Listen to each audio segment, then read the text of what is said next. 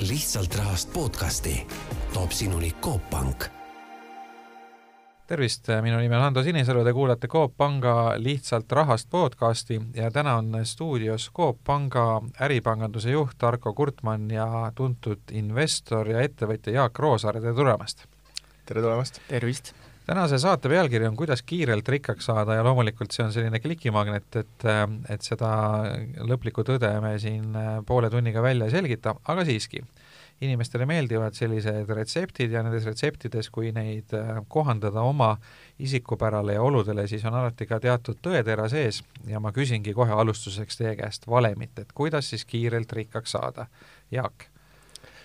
no tagantjärgi tarkusena oleks pidanud äh, Bitcoini või, või mõnda muud coin'i ostma mõned head aastad tagasi ja siis äh, rahulikult hoidma ja olekski rikkus majja toodud. aga mitte tagantjärgi tarkusena, siis äh, mulle endale meeldib selline natuke aeglasem valem, et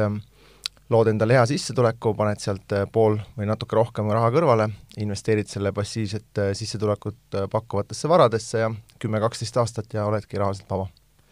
et eh, siin need sellised võtmesõnad on eh, minu arvates, mis ma siit praegu sinu jutust välja võtsin, on esiteks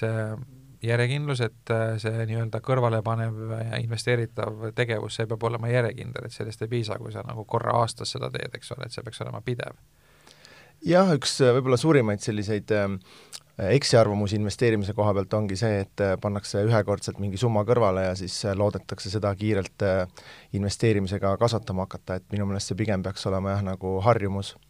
ja, ja teine küsimus on see ajahorisont, ehk et see ruttu, et, et kui me räägime kiirelt või ruttu rikkaks saamisest, et siis me võtame selle ajahorisondiks kümme aastat, mitte ühe aasta, eks ole? kümme aastat on selline, et peaks olema igale ühele jõukohane, jah. nii, Arko, mis sinu valem on? kuidas kiirelt rikkaks saada?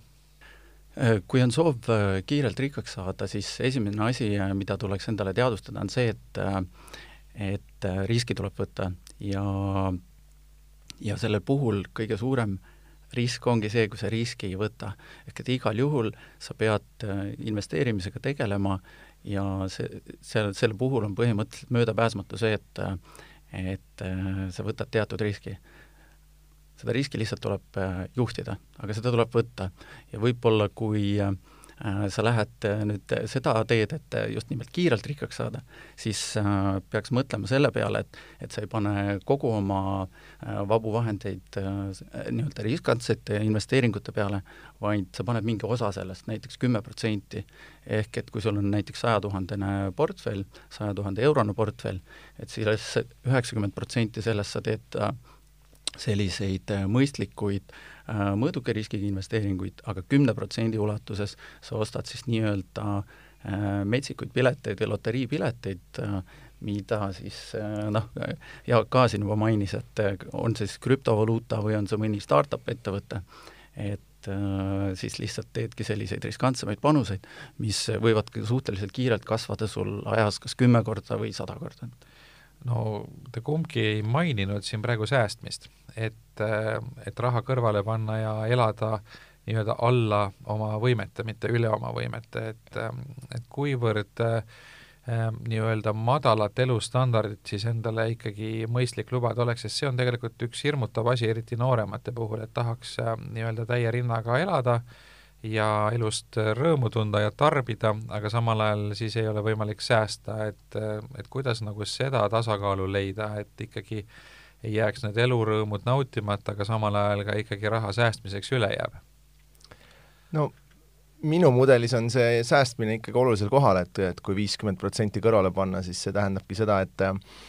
sa äh, pead teenima kaks korda rohkem, kui sa kulutad ja mul endal on alati olnudki pigem selline lähenemine, et äh, ma panen endale mingid kulutuse tasemed, mida, mida ma tahan oma elustiili hoidmiseks teha, ja siis on mul väljakutse, et kuidas ma siis suudan topelt selle raha teenida, kas siis oma palgatööga või mingite projektide või lisatöödega või, või ettevõtlusega. et see käib siis niimoodi, et sa mõtled välja, et sa äh, kulutad noh, numbrite lihtsuse huvides, et sul näiteks äh, tuhat eurot kuus on sellised kulutused, mis tagavad sulle sellise elustiili, mis noh, millest sa nii-öelda rõõmu tunned,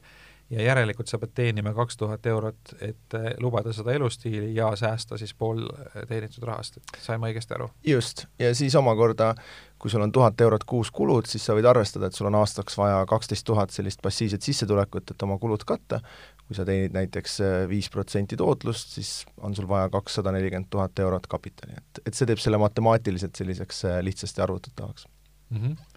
nüüd äh, Argo, kui teie pangas vaatate inimesi, noh, sina küll töötad äripanganduses, aga, aga ilmselt äh, oled kursis ka sellega, kuidas äh, tavainimesed käituvad, et kui palju selliseid inimesi on, kes tulevad panka näiteks ja neil on oma isiklik raamatupidamine nii korras nii hästi süstematiseeritud, nagu Jaak just kirjeldas, et tal pool teenitud rahast nii-öelda jääb üle siis tegelikult, kui eraisikutest rääkida, et ega väga paljud enda tulusid ja kulusid igakuiselt ei kontrolli ega ka eelarvet ei tee, et igal juhul see on äh, mõistlik samm, mida teha ja ja võib-olla siin ongi oluline nagu enda mõtlemismudelit äh, muuta et äh, väga paljud inimesed, isegi need, kes tegelevad investeerimisega, mõtlevad niimoodi, et mul on tulud, äh, mul on teatud kulud ja kui mul sealt jääb midagi üle, siis ma investeerin. aga võiks tegelikult seda nii-öelda natukene pöörata tagurpidi, seda mõtlemismudelit, et kui sul on tulud, siis sa mõtled kõigepealt, palju si-, näiteks igakuiselt soovid investeerida ja selle järel alles teed enda kulutused. ehk sa tõstad selle investeerimise prioriteedi igapäevakuludest natukene ettepoole ja kui sa seda nagu teadlikult juhid ja järjepidevalt kuust kuusse teed, siis see võib väga kiirelt anda väga suure efekti. No tegelikult on see ju mõtteviisi küsi-, küsimus, et noh, väga paljud inimesed näiteks unust-, unistavad puhkusereisist, eks ole, et see on asi, mille nimel siis ma ei tea, kas raha kogutakse või, või nii-öelda tööd rabatakse, et saaks minna paariks nädalaks kuhugile puhkama aga samamoodi sa võid ju mõelda, et, et ma unistan äh, heast portfellist ja tunda rõõmu selle portfelli tootlusest, et kui sa nagu suudad oma mõtteviisi niimoodi muuta, siis tegelikult äh, asjad hakkavad hoopiski teistmoodi liikuma. et, äh, et see on ka väga paljuski selline mindset'i küsimus, et kas te nõustute sellega? See on, see on väga õige mõte, sellepärast et äh, kui sa juba nagu mõnda aega investeerimisega tegeled, siis tegelikult su prioriteedid muutuvadki. et äh, ma julgen väita seda, et kui keskmine inimene õhtul läheb voodisse, võtab telefoni ette, siis ta võib-olla hakkab äh, shoppama, eks ole, et vaatab, et äh, kus oleksid uued ilusad ketsid või mõned mantlid või, või püksid, aga tegelikult kui sa hakkad investorina toimetama, siis üks hetk sa hakkad tajuma ka seda, et ohoo, et täna on näiteks Apple'i, Apple'i aktsia odav, et võiks hoopis hoopis seda osta. Äh, mõni järgmine päev sa näed, eks ole, et on Microsoft või Nvidia aktsia odav, et, et sa hoopis hakkad tundma neid ära nagu neid ostukohti ja sa saad mingis mõttes nagu samasuguse efekti, et et noh, inimene soovib ka, eks ole, et äh, allahindlusega osta endale mingisuguseid uusi esemeid või tooteid äh,, täpselt sama on tegelikult ka aktsiaturul, et äh, sa soovid äh, samamoodi, sa ei soovi osta tipust, aga kui sa näed, et midagi on nagu kakskümmend protsenti sinu target hinnast odavam siis, siis sa hea meelega nagu sisened seda, sellesse aktsiasse. nii et sa põhimõtteliselt ei unista siis ja ei osta seda Apple'i uut telefoni, vaid sa unistad ja ostad Apple'i aktsiaid, et sa tegelikult nagu see, see mõtteviisi erinevus on siis selline absoluutselt, et et see isegi oleks üks minu nagu soovitusi, et et alati nagu mõelda selles võtmes, et noh, sa võid mõelda, kas minna näiteks osta Tesla autona või osta näiteks Teslat aktsiana, eks ole, või täpselt sa ise tõid selle iPhone'i näite, et kas sa pead näiteks ostma iga aasta uue iPhone'i või pigem sa ostad viiel aastal, eks ole, tuhande euro eest Apple'i aktsiat ja, ja siis vahetad lihtsalt pikema aja tagant enda nutitelefoni välja. no minu see viiekümne protsendi klubi süsteem umbes sarnaselt toimibki, aga et ta siis võimaldab sul ka ikkagi selle Apple'i telefoni osta, et mõte ongi see, et kui sa ostad tuhande eurose telefoni, siis sa pead teise tuhat eurot samal ajal Apple'i aktsiasse panema, et et see niisugune fifty-fifty lähenemine on minu meelest hea, et siis sa ei jää nagu ka tarbimisest päris ilma, et ma arvan, enamus inimesi ikkagi tahab tarbida ka ja mulle hästi meeldib selline põhimõte, mis ma ise Ameerikas raamatuid müües äh, õppisin, et et katsuda elada alati üks aste oma sellisest rahalisest võimekust allpool, ehk siis tarbida, tarbida üks aste vähem kui võimalik, et, et kui sul on võimalik auto osta, siis sõida ikka veel nagu ühistranspordiga, kui sul on võimalik luksusauto osta, siis osta kasutatud auto ja nii edasi, nii edasi. et mitte vastupidi, et tarbid üle oma võimete no investeeringud, investeerimine on praegu hästi populaarne ja ma nüüd ei mäleta, kes see klassik oli, kes seda rääkis, aga mõte oli siis see, et kui, kui tavaline inimene siis antud kontekstis taksojuht hakkab aktsiatest rääkima, siis on õige aeg müüa, ehk et, et siis on turg ilmselt üle kuumenenud, et kui, kui liiga palju inimesi sellega tegeleb ja noh, praegu vist on see aeg käes, kus investeerimine on väga populaarne ja, ja kui vaadata, kui populaarsed on selleteemalised seminarid ja raamatud ja, ja, ja meedia, siis siis selgelt äh, inimestele see asi meeldib, et, äh, et kas see on nagu äh, on, on seal mingid ohud ka, et liiga paljud inimesed sellega nii-öelda amatöörlikult tegelevad? no selgelt on tunda seda, et järjest rohkem jaeinvestoreid on turul, et et seda on näha nii suuremas pildis USA turul kui ka siin kohalikul Eesti börsil ja mida see endaga nagu kaasa toob, on see, et ta toob natukene sellist äh, emotsionaalsemat käitumist rohkem turule. et võib-olla selline institutsionaalne investor on natukene oma olemuselt äh, ratsionaalsem ja, ja ka kannatlikum, äh, aga jaeinvestor jah, tema, tema nagu meeleolud sõltuvad väga palju populaarsetest pealkirjadest ja praktikas see väljendub sellest, et meil on tekkinud turul oluliselt suurem volatiilsus. ehk mis ma selle all mõtlen, on see, et aktsiahinna kõikumised üles ja alla on oluliselt suuremad, kui nad on ajalooliselt olnud, et meil vabalt juhtub siin olema päevi, kus äh, üksik aktsia võib äh, liikuda kümme-viisteist protsenti, eks ole, varem ta võib-olla liikus aasta jooksul nii palju. jah, ma olen Argoga nõus, et äh, et on kindlasti populaarsemaks muutunud, aga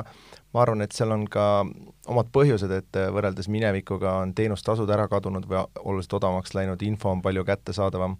et selles mõttes ma arvan, et see taksojuhi näide võib-olla nii pär-, päris enam ei päde, et et inimesed äh, ikkagi mm, pigem teevad seda, ma arvan, natuke distsiplineeritumalt kui, kui varem, pluss ähm, on ka nende pikaajaliste investorite arv kasvanud, et, et päris paljud äh, Eestis vähemalt ongi teinud endale sellise mudeli, et nad iga kuu ostavadki mingi portsu aktsiaid ja, ja hoiavad neid, et selle üle on mul küll ainult hea meel, et nende aktsionäride nimekiri järjest pikemaks läheb.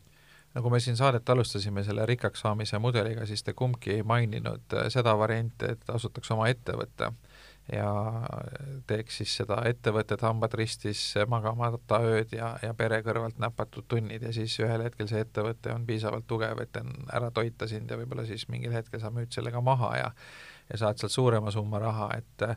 et kui, kui praegu ka vestelda just nooremate inimestega, siis äh, kui panna need kaks asja kõrvuti, et see oma ettevõtlusega alustamine versus siis äh, sä-, säästudest äh, aktsiate või, või muude varade ostmine ja, ja siis nende, nende hoidmine või, või nendega spekuleerimine, et siis see ettevõtte kaudu vara kasvatamise tee tundub palju raskem ja noh, mit-, mitte vähem riskantne olevat, et et kuidas te sellele trendile vaatate? ma arvan, et ähm, see on kindlasti osa mudelist, et äh, lihtsalt ähm, esimene valik ongi see, et kas sa oled palgatöötaja või oled ettevõtja ja kui sa plaanid oma ettevõtte teha, et siis mina selle omakorda jagaks kolmeks. et on selline nii-öelda elustiili ettevõtlus, mida ma ka ise viljelen, et kirjutad mingi raamatu või teed mingeid kursuseid või kohviku või mida iganes. ja et selle ettevõttega ilmselt väga rikkaks kunagi ei saa, aga ta pakub sulle ja su perele sellist okei okay sissetulekut ja ja ma arvan, et selline suhteliselt mugav võimalus. Ja seal on kindlasti tänapäeval väga-väga lihtsaks tehtud alustamine, mingit kapitali pole selle jaoks vaja, et piisab, piisab äh, entusiasmist. Ja ma arvan, et paari aastaga on võimalik endale seal kuskil kolm-neli tuhat eurot kuus äh, sissetulek luua. siis teine äärmus sellele on startup ettevõtlus, kus siis äh, ka pole raha vaja, sest raha tuleb kellegi teise käest. Ja seal on siis sageli selline all or nothing või et kui läheb hästi, siis saad väga rikkaks ja, ja kui ei lähe hästi, siis ei ole seal ka mingit, mingit jääkväärtust. Ja siis seal keskel on nii-öelda tavaline ettevõtlus, kus siis on sul mingi ehitusfirma või, või mingi pood või mida iganes, et see valik on väga-väga lai ja, ja ma arvan, et keda, keda rikkaks saamine tõsisemalt huvitab, siis ja kiiremini tahab sellega ja kaugemale jõuda välja, et siis tasuks kindlasti ettevõtlust eelistada kuidas nüüd äh, pank ettevõtlusele vaatab, et äh, siin paljud ettevõtjad kurdavad, et just selliseid algfaasis ettevõtjaid või riskantsemaid ettevõtteid pangad väga ei taha finantseerida, et eelistavad stabiilsust, mis on ka noh, igatepidi mõistetav, et kui ise olla panga aktsionär, siis sa ka ju ei tahaks, et sinu äh, nii-öelda omatud pank väga suurtesse mahhinatsioonidesse läheb, et ikka eeldad, et ta konservatiivsemalt tegutseb, aga noh, samal ajal siin teatud selline intriig on, et et ühest küljest ettevõtjatel on raha vaja, aga, aga, aga pangad kipuvad suhteliselt äh, konservatiivselt seda asja vaatama, et, et kas seda igipõlist äh, vastuolu üldse on nagu kuidagi võimalik ületada ka, Argo? No ma arvan, et äh, siin ei ole nii palju äh, vastuolu, kui lihtsalt peab aru saama sellest, et erinevas ettevõtte arengustaadiumis on äh, tegelikult erinevad finantseerimise allikad. et kui sa oled ikkagi oma ettevõttega algusfaasis, siis punkt üks, tuleb investeerida sellesse ettevõttesse oma raha ja investorite raha ja kui ettevõte on juba küpsem, ta suudab näidata, et et tal on tekkinud kliendid, positiivne rahavoog ja nii edasi, et noh, siis ta muutub nagu pangakõlbulikuks. ja miks ta ei ole pangakõlbulik äh, varem, on äh, tegelikult väga lihtsal põhjusel, nimelt äh,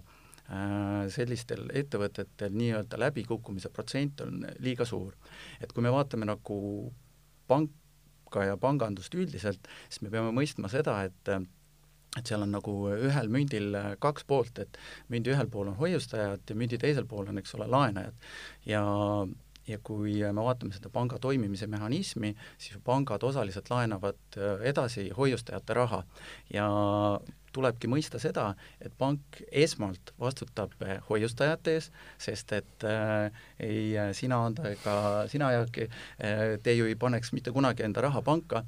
kus te teate, et pank võtab liiga suurt riski ja on tõenäosus näiteks, et te jääte enda rahast ilma. vastupidi, pank peab sajaprotsendilise kindlusega garanteerima teile, et teie raha on äh, pangas alles ja veelgi enam, et te saate seda igal ajahetkel kasutada. Õnneks ka riik äh, garanteerib siin teatud osas siiski, et, päris, päris nagu äh, külma tuule käes me pangaga kahekesi siin ei ole, et no see on nüüd äh, selles äh, võrrandis nagu kolmas mõõde, sellepärast et kuna riik garanteerib neid hoiuseid, siis ta soovib ka regulaatorina, läbi regulaatori tegelikult kaasa rääkida selles osas, äh, millist riski pank võib võtta ja mitte ja sealt tulevad ka kõik need pangandusregulatsioonid, mis ajas on, eks ole, muutunud järjest karmimaks ja karmimaks. aga see on täiesti mõistetav roll riigi poolt, et kui ta tõesti nende hoiustaja, hoiustajate ees vastutab, siis ta ka soovib, et tal mingi kontroll nende asutuste üle oleks, eks ole, kes sellega tegelevad no siin on üks äh, asjaolu veel, kui nii-öelda tavainimene loeb uudiseid, siis ta loeb seda, et keskpangad, olgu see siis Euroopa või USA või Hiina oma, muudkui trükivad raha juurde, et tegelikult seda raha nagu äh, järjest paisatakse turule rohkem, aga nüüd, kui sa vaatad sedasama protsessi sellise ettevõtja pilgu läbi, siis tundub, et sinuni ettevõtjana seda raha nagu väga palju ei jõua, et see raha läheb kuhugile mujale, et, et, et mis, mis probleem seal on, et kuhu see raha siis läheb ja miks ta sinna ettevõtjani jõuab, sa põhjendasid seda, et noh, riskid ja nii edasi, et see on arusaadav, aga ikkagi, et nagu nende rahatrükkijate mõte on ju ikkagi see, et see raha nii-öelda läheks, läheks õigesse kohta, et, et see nagu äh, elavdaks majandust ja tooks lisaväärtust, aga, aga, aga noh, sageli see raha kuidagi läheb kuhugile, ma ei teagi siis kuhu. et kas te teate, kuhu see raha läheb, mida need keskpangad trükivad? jah, ma hakkaks nagu sellest peale, et äh, globaalselt äh, võlg ehk see raha hulk, mida on siis juurde tükitatud, selle tulemusel ka võlg, on kasvanud äh, rekordtasemele, et tänaseks siis juba üle kahesaja kaheksakümne triljoni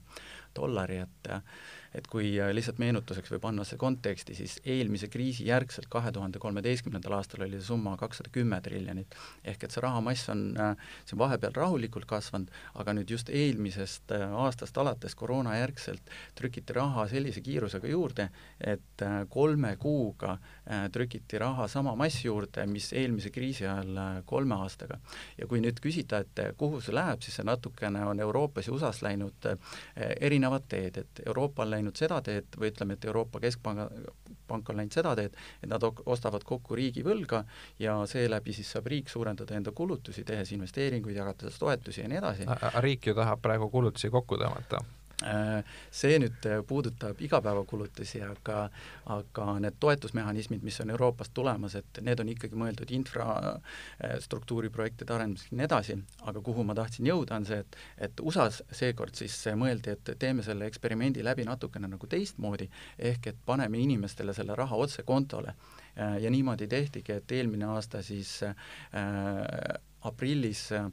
pandi inimestele kontole äh, minu meelest tuhat kakssada dollarit äh, inimese kohta, detsembris pandi veel kuussada ja selle aasta alguses tuhat nelisada. nüüd kogu selle trüki tulemusena ongi juhtunud äh, selline olukord, kus meil on tekkinud kaks paralleelmaailma. et aktsiaturgudele on see mõjunud nagu väga hästi ja tundub, et kõik on roheline ja positiivne, aga reaalmajandusele ta veel sellist mõju, nagu me soovime, ei ole avaldanud. näiteks eelmise aasta aprillis, kui äh, esimest korda tehti inimestele USA-s väljamakseid, äh, SMP viissada kasvas ühe kuuga kaksteist protsenti. et inimesed ostsid aktsiaid siis selle raha eest vähemalt suur osaliselt jah, aga, aga lootus, et inimesed hakkaksid kulutama ja kulutuste läbi tõmbaksid ka ettevõtteid käima, et seda kahjuks ei juhtunud. ehk mis ma öelda tahan, on see, et, et äh, rahatrükk äh, otseselt ei mõjuta ettevõtteid, ettevõtteid mõjutab see, kui tarbijad hakkavad jälle kulutama. ehk et sul on nõudlus turul, siis hakkavadki ettevõtted tegema uuesti investeeringuid aga nüüd äh, Jaak, sa oled pikalt seda juttu, sa vahepeal isegi haarasid kahe käega peast kinni, et äh, et väljenda, jaga seda emotsiooni. jah, et, et, et Eesti on vist ainuke riik, kes üritab nagu vastu tuult pissida ja, ja kärpida samal ajal, kui kõik teised saavad aru, et, et me oleme hoopis teises faasis. aga mulle endale hästi meeldis see Ameerika lahendus ja, ja tegelikult minu meelest ikkagi jõudis majandusse ka, et väikse viivitusega lihtsalt, et, et et ma olen ise ühe USA äh, eraettevõtte aktsionär ka ja, ja ma näen seal müügitulemusi, et, et praegu on niisugune roaring twenties, nagu öeldakse, et, et seal kõik asjad kasvavad, et nüüd, kus äh, inimestel on vaktsiinid sees, maskid maas, et siis ähm, siis kogu see majandus nagu buumib, buumib täiega. et mul on algusest peale tundunud kahtlane see, et see rahatrükk äh, läbi pankade peaks kuidagi vilja kandma, et ähm, et ma arvan, et see raha, nagu Arko just ütleb, jääb sinna panka kinni ja, ja siis pangad omakorda peavad seda negatiivse intressiga hoidma kuskil keskpangas ja ja lõppkokkuvõttes sellest suurt tolku pole et, et minu meelest oleks võinud äh, Euroopa Liidus või Eestis ka pigem inimestele raha kontole anda ja ja noh, osad ostsid aktsiaid, osad maksid omal enda laene vähemaks, aga päris palju raha sellest jõuab tarbimisse ka, et äh, aga ikkagi, ikkagi nagu siin praegu on ettevõtjad ja pangad nagu äh, ühel meelel, et ühest küljest pankade ettevõtetele välja, välja antud laenude maht on langenud võrreldes eelmise aastaga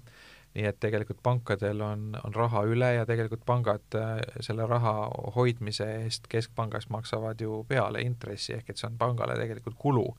teisest küljest nagu ettevõtjad ka vajaks raha ja vähemalt väga paljud ettevõtlusorganisatsioonid räägivad, et näiteks digitaliseerimine ja robotiseerimine seisab selle taga, et ettevõtjad ei tee investeeringuid ja siis ettevõtjad ütlevad, aga pangad on konservatiivsed, sest äh, regulaatorid eh, sunnivad neid olema konservatiivsed ja seetõttu, seetõttu nad ei saa raha kätte, et see on nagu selline noh, surnud ring, et needsamad regulaatorid ju teisipidi siis jälle trükivad raha juurde ja siis muudkui teevad tingimusi karmimaks, et seda jälle kätte ei saaks, et see noh, tundub selline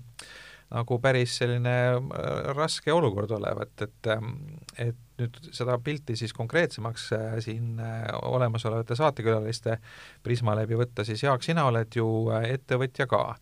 lisaks sellele, et sa oled investor ja sa oled ilmselt ka kokku puutunud pankadega ettevõtjana, kui sul on vaja äh, oma ettevõtlusprojektide jaoks äh, laene, et millised need kogemused on, et ärme siin ühegi panga nime praegu nimeta, et räägime pankadest üldisemalt, et äh, sellised üldisemad probleemid, mitte siis ühe konkreetse pangaga seotud asjad mm. -hmm. ma olen jah,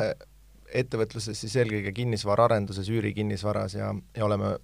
ühe või paar päikeseparki ka teinud. aga et muljed on jah sellised, et et üldiselt äh, pankades kipub olema äh, sageli selline suhtumine, et kas ei saa üldse laenu või saad väga soodsal tingimustel laenu, et sellist nagu riskiga kaalutletud laenamist äh, on olnud nagu keeruline minu kogemusel saada. Ja, ja siis äh, võib-olla teine, teine pool on siis see, et äh, noh, jällegi on kohalikumad pangad paindlikumad ja välis, väliskapitalil pangad võib-olla natuke vähem paindlikumad, et äh, et ma arvan, et praegu ikkagi kellel, kellel on mingi kinnisvara tagatisega seoses olev projekt, et, et peaks raha, laenuraha saama kätte küll, aga ma arvan, et kogu see regulatsioonide teema ja ja nii-öelda pankade soov mitte sellist hagu hullult alla anda, et see on loonud ka päris suure sellise varjupanganduse või siis alternatiivrahastuse turu, et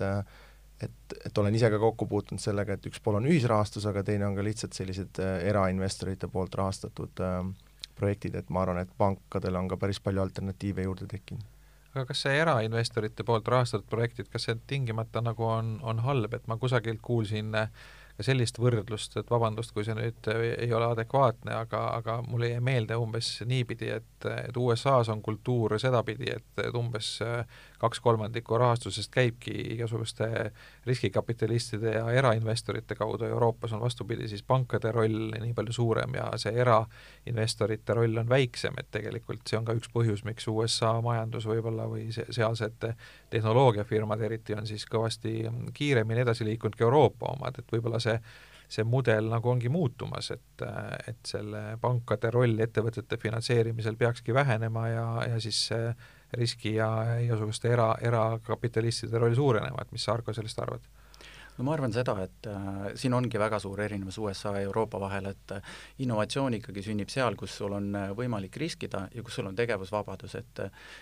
Euroopas pigem püütakse kõike reguleerida, isegi kohati võiksin öelda, et üle reguleerida, ja see lihtsalt kammitseb äh, seda innovatsiooni arengut. et äh, just vaatasin huvitavat statistikat, siis näiteks eelmisel aastal startup investeeringute maht USA-s jõudis rekordtasemele, ületades saja kolmekümne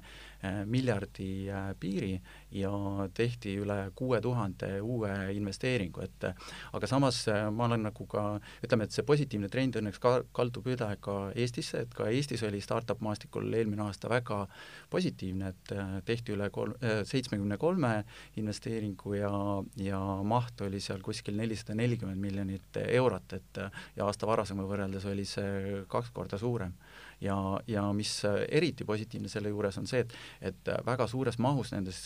investeeringutes osalesid ka kohalikud äh, nii-öelda fondid ja startup ingelinvestorid, et et see trend on ilusti ka siia edasi kandunud. Aga kuidas see fondide ja pankade omavaheline seos on, et ma saan aru, et äh, osa fondide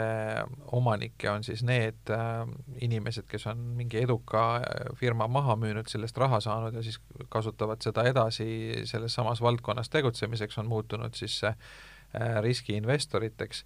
aga samal ajal pankades on ju ka suur hulk raha, et, et kui palju siin nagu sellist koostööd on, et, et, et pangad ja siis need riskiinvestorid koos midagi teeksid, näiteks finantseeriksid äh, huvitavaid innovatsiooniprojekte? No seal kõigepealt ikkagi äh, selle ettevõtte nii-öelda esimeses elufaasis, äh, kus tõestatakse ära, et toode on äh, jätkusuutlik või ütleme, et see nõudlus on turul olemas selle toote või teenuse järgi, et et see on ikkagi veel see mängumaa, mis siis peavad kandma ettevõtted siis investorid, aga et kui see ettevõte tõesti juba muutub äh, kus ütleme, et tal tekib rahavoo osas teatav stabiilsus, et äh, siis võib kindlasti tulla nagu panka rääkima, et et meil on küll siin äh, tuntud startup ettevõtteid, kes on ka juba pangast raha laenanud, et et kas see on Cleveron või, või, või või äh, Ampler, eks ole, et et selliseid näiteid, koostöönäiteid on küll ja küll. Aga mis see, mis see punane joon või ma ei tea, mis värvi see joon on, kust maalt alates ettevõte muutub pangakõlbulikuks, et sa alguses rääkisid sellest, et et see varane faas, kus tal veel käivet ei ole võib-olla ja, ja toodegi ei ole valmis, et seal kindlasti mitte, et see on äh, selline eksperimentaallabori faas, aga kus see piir siis saabub, kui, kui ta muutub äh, panga jaoks nagu selliseks äh, kõlbulikuks ettevõtteks? No neid kriteeriumeid on hästi palju, aga kui võtta seda kuidagi üheselt kokku, siis päeva lõpuks ikkagi laenaja peab suutma lihtsalt ära näidata, kuidas ta suudab laenu tagasi maksta, et kui ta suudab seda teha ja see on äh, usutav, äh, siis saabki tegelikult nagu pank äh, laenata, et loomulikult on oluline ka seal, et kas tekib mingisugune tagatispositsioon või saab teatud olukordades näiteks KredExi abi kasutada tagatise pakkumisel, et et kui need komponendid nagu langevad kokku, siis pangad finantseerivad hea meelega ja, ja ma küll soovin siin nagu üle kinnitada seda, et soov laenata täna on pankadel väga tugev ja olles ise siis Coop pangana turuosaline, siis ma julgen küll kinnitada, et konkurents on nagu, nagu väga tihe sellel turul. et äh, kuigi uue laenu müügimahud tõesti kaks tuhat kakskümmend esimene kvartal võrreldes selle aasta esimene kvartal saja seitsmekümne miljoni võrra oli äh,, olid väiksemad, siis äh, märtsikuus oli juba näha selgelt laenu kasvu ja, ja see äh, see soov ja tung laenata, noh, see on ka päeva lõpuks äh, väljendunud klientidele sobivates ja soodsamates äh, tingimustes, et no sina, Jaak, oled ise ka investor ja vaatad ka selliseid äh, alustavaid ettevõtteid, noh, mingil määral nagu pank, eks ole, et, et siin on noh, mõnes mõttes ühine huvi mõlemal see, et oma raha tagasi saada, eks ole, et keegi ei lähe ju kaotama. aga ilmselt siis see riski, riskivõimekus on natuke teistsugune, et et kui sa nüüd kuulasid seda, mida Arko rääkis, kuidas pank vaatab seda ettevõtet, kui palju nüüd see sinu vaade erineb siis sellest, mis need asjad on, mida sina investorina teistmoodi näed? no kui startup idest rääkida, et siis äh, minuni on ikka pigem jõudnud äh, sellises väga varases faasis, äh, kus on siis kaks meest, koer ja PowerPoint ja ja eks seal need riskid ongi väga suured, et ma arvan, seal põhiline asi, mida hinnata, on selle meeskonna selline kas siis varasem kogemus või, või, või äh, koostöövõime ja usk nendesse. ja eks seal siis omakorda, kuna riskid on suuremad, siis on ka võimalikud äh, tootlused suuremad, et äh, et äh, üks selline põnev idee minu jaoks ongi olnud proovida investeerida raundis enne, kui, kui see ettevõte läheb äh, justkui natuke avalikumalt raha kaasama, et kas siis üks raund enne, kui läheb Funderbeami või või mingi ettevõte, kellel on paari aasta pärast börsiplaan. aga, aga teine pool, kui ma Markot kuulasin, et siis tuleb ka eristada erinevaid ettevõtlusvaldkondi, et näiteks kinnisvaras noh, on võimalik saada laenu ka nii, et sa sisuliselt äh, teed täna ettevõtte, leiad sinna mingi üüri, üürivooga objekti ja homme saad juba pangast laenu, et, et selles mõttes äh, kõik sõltub natukene valdkonnast ka. et need valdkonnad, kus on äh, mingisugune füüsiline tagatis välja pakkuda, erinevalt siis näiteks mingist programmeerimisega tegelevast ettevõttest, et need on nagu äh, panga jaoks ka lihtsamini äh, arusaadavad ja, ja vähem riskantsed, ma saan aru no see näide tegelikult, mis Jaak tõi, äh, see on panga jaoks selles mõttes nagu lihtsasti analüüsitav, et äh, seal tekib rahavoog ja seda rahavoogu saab nagu teatud määral äh, prognoosida, et sa saad selle rentniku tugevust hinnata, kui on võib-olla nüüd näiteks üürikorteritega tegemist, eks ole, et siis pangana võib-olla ei sooviks võtta ühe üürikorteri vastu riski, aga kui sul on juba kümme üürikorterit, siis tekib selline nagu portfelli efekt, et isegi kui sul üks või kaks üürnikku kukuvad ära, noh siis teised ilusti äh, suudavad äh, nii palju renti maksta, et see katab nagu laenumaksed ära, et et selles suhtes jah, need on projektid, mis on nagu panga jaoks hästi kergelt mõistetavad. Jätkame saadet, stuudios on Argo Kurtmann, Coop Panga äripanganduse juht ja investor Jaak Roosaare. Ja räägime korra kriisist ka, et et äh, millegipärast ei toimunud sellist suurt majanduslangust või mis langust, äh, tur-, turud ju kasvavad, et et kuigi kõik eeldused on olemas, määramatus, paanika, globaalne, et äh, ei, ei kordunud seda aasta kaks tuhat kaheksa, kaks tuhat üheksa stsenaariumi, et mis seekord siis teistmoodi oli? Äh, no minu hinnangul on hästi oluline see, et äh, pangandusturul oleksid olemas kohalikud pangad, et ja kui me vaatame ka Coop Panka, siis Coop Panga koduturg on Eesti ja see tähendab seda, et äh, meie ei saa siit taganeda, et me oleme siin headel aegadel ja meie oleme ka siin halbadel aegadel. ja kui vaadata nüüd eelmise aasta näite baasil seda, siis väga selgelt sai tehtud strateegiline otsus, et Coop Pank Covidi järgses äh, sellises kõige tumedamas hetkes äh, selgelt ja tugevalt jätkab laenamist ja kui meil selline loomulik äh, turuosa on seal ütleme kolme ja nelja protsendi vahel, siis tegelikult mai-juuni meil kasvas uut, uutest väljastavatest laenudest turuosa lausa üheteist protsendi peale teatud kuudel. ja, ja ma arvan, et ka teiste pankade selline leebem käitumine võrreldes kahe tuhande üheksanda, kahe tuhande kümnenda aasta kriisiga oli tegelikult alus sellele, et me hoidsime halvema ära. Nojah, teil äh, Coop Pangana ei ole ju ka teisi turge, ehk et selles mõttes äh, teil ei olegi võimalik kusagil mujal minna raha teenida, et vähemalt täna, kus te ei ole laienenud teistele turgudele, et siis te peate seda Eestis tegema ja, ja nii-öelda siin ühes, ühes paadis meie ettevõtetega olema no panganduses on, panganduses on selline ütlus, et äh, pangal läheb nii hästi, kui läheb äh, panga klientidel ja kuna noh, meie klientideks on Eesti inimesed ja Eesti ettevõtjad, siis äh, noh, meie jaoks ongi äärmiselt oluline see, et kuidas Eesti inimene homme elab ja, ja kuidas Eesti ettevõtjal homme läheb, et et meie ei saa siin üle reageerida, vaid me peame jah, rahulikult selle keskkonna eest hea seisma nii halbadel aegadel kui headel aegadel nii, aga saate kõige huvitavam osa veel tuleb, see on tulevikuvaade, lõpetuseks palun teil natuke ennustada või anda kuulajale nõu, et nüüd olukorras, kus tundub, et vähemalt me siin oleme sellest viirusest selleks korraks võitu saanud ja elu läheb tagasi normaalseks, et mida nüüd algajad, noored investorid äh, võiks silmas pidada sellistes oludes, mis meil nüüd algamas on, et mõned analüütikud räägivad, et algab kohutav tarbimispidu.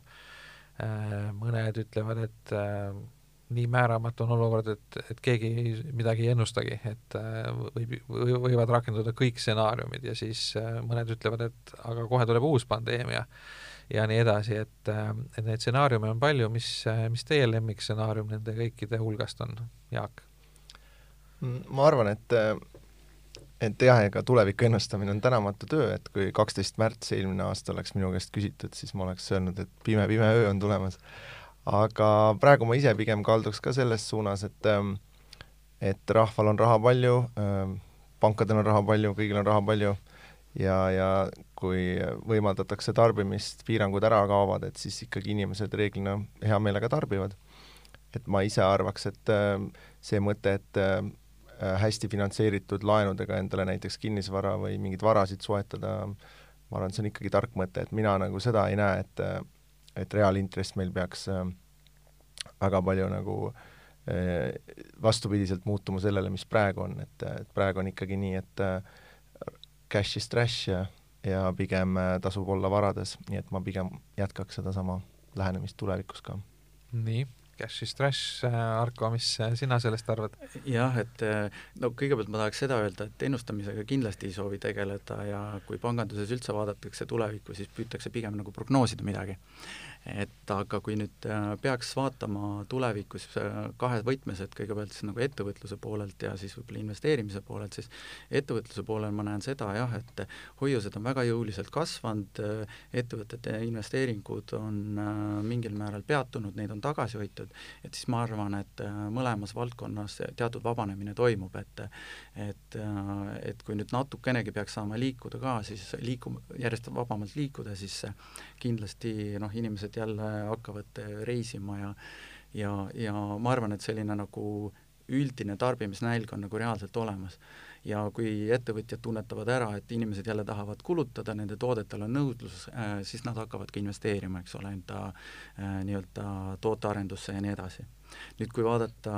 investeerimise poole, siis äh, ma kipun ka nagu äh, Jaagu arvamust äh, jagama, et et lühiajalises perspektiivis hinnad võivad tõusta, võivad kukkuda, aga pikemas perspektiivis ma usun, et aktsiahinnad ikkagi kasvavad. et lihtsalt see volatiilsus, mis turgudel on, et see ei tohi nagu täna ära ehmatada. et kui sul aktsia on üks hetk kümme protsenti miinuses, ta võib olla vabalt teine päev sul kakskümmend protsenti plussis, et lihtsalt selliste kõikumistega peab nagu arvestama. aga ka äh, tugines JP Morgani tegevjuhi arvamusele, sest tema nagu hinnangul see rahatrükk on nii massiivne olnud, et seda kuiva püssirohtu peaks meil jätkuma siin kahe tuhande kahekümne kolmandaks aastaks, et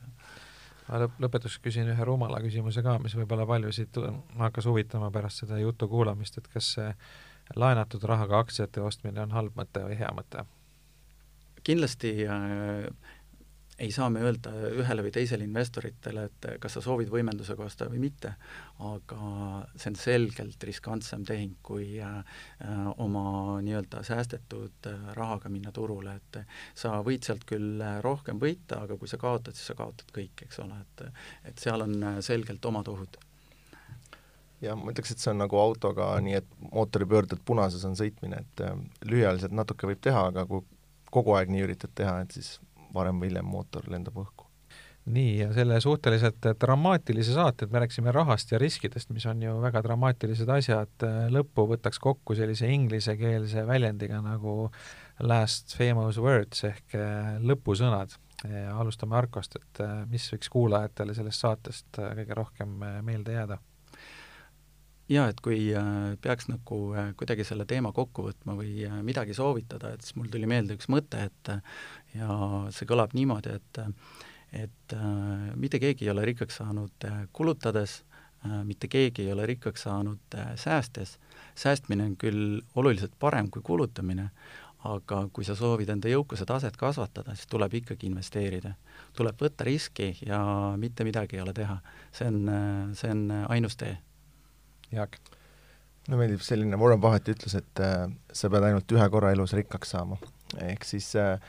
võib-olla natukene lihtsalt analüüsida, et äh, mis see selline elustandardi või rikkuse tase on, mida, mida sa tahaksid saavutada ja siis enda jaoks välja mõelda, kuidas seda saavutada. ja kui see on käes, et siis mitte liiga palju äh, lisariski võtta, et, äh, et imelik on lugeda inimestest, kes on ühe korra rikkaks saanud ja siis uuesti vaeseks tagasi sattunud, et, et uh, you only have to get rich once nii, sellega lõpetame, stuudios olid Arko Kurtmann, Coop Panga äripanganduse juht ja investor Jaak Roosaare, saadet juhtis Ando Sinisalu, aitäh kuulamast! lihtsalt rahast podcasti toob sinuni Coop Pank